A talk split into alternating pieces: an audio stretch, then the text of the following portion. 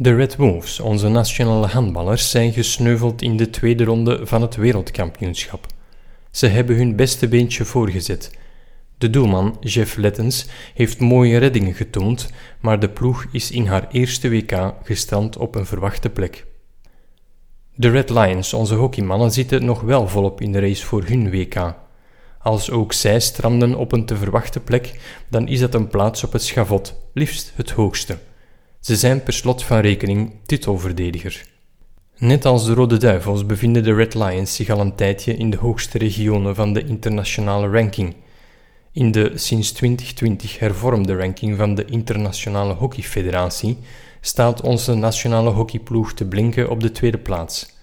Ze staat tussen Australië en Nederland, die beide drie wereldtitels op hun naam hebben staan. Anders dan de Rode Duivels staan onze hockeymannen niet enkel hoog in de ranking, ze hebben hun waarde ook al verzilverd, of liever verguld. Ze zijn op dit moment zowel wereld- als olympisch kampioen. Het verhaal van de Red Lions leest als een trein. Decennia lang presteerde België op hockeyvlak niet meer dan wat gerommel in de marge. Gerommel in de marge van een nichesport, hoe onooglijk kan het zijn? Maar sinds pakweg 15 jaar is België pijlsnel prijzen beginnen pakken. Samen met de resultaten zwol de populariteit aan. Waar 20 jaar geleden geen hond een hockeyspeler bij naam kende, mogen de sterspelers nu opdraven in commercials en houden ze best rekening met een race interviews en foto's op voorpagina's.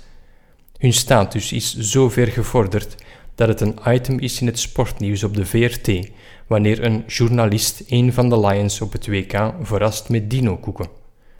Momenteel verdedigen de hockeymannen in India hun wereldtitel.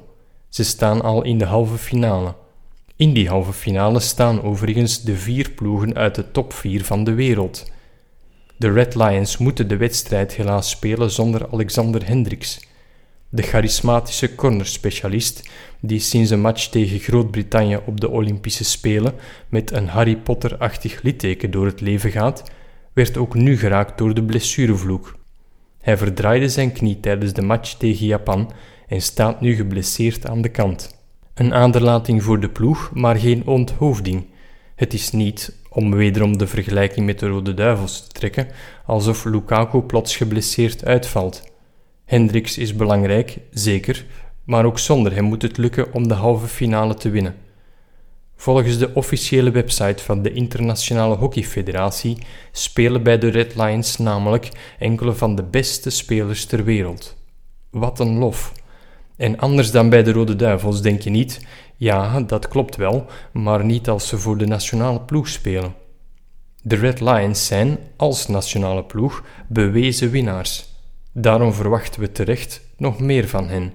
Mooie wedstrijden gespeeld door de beste spelers ter wereld en bekroond met een plekje op het schavot, liefst het hoogste.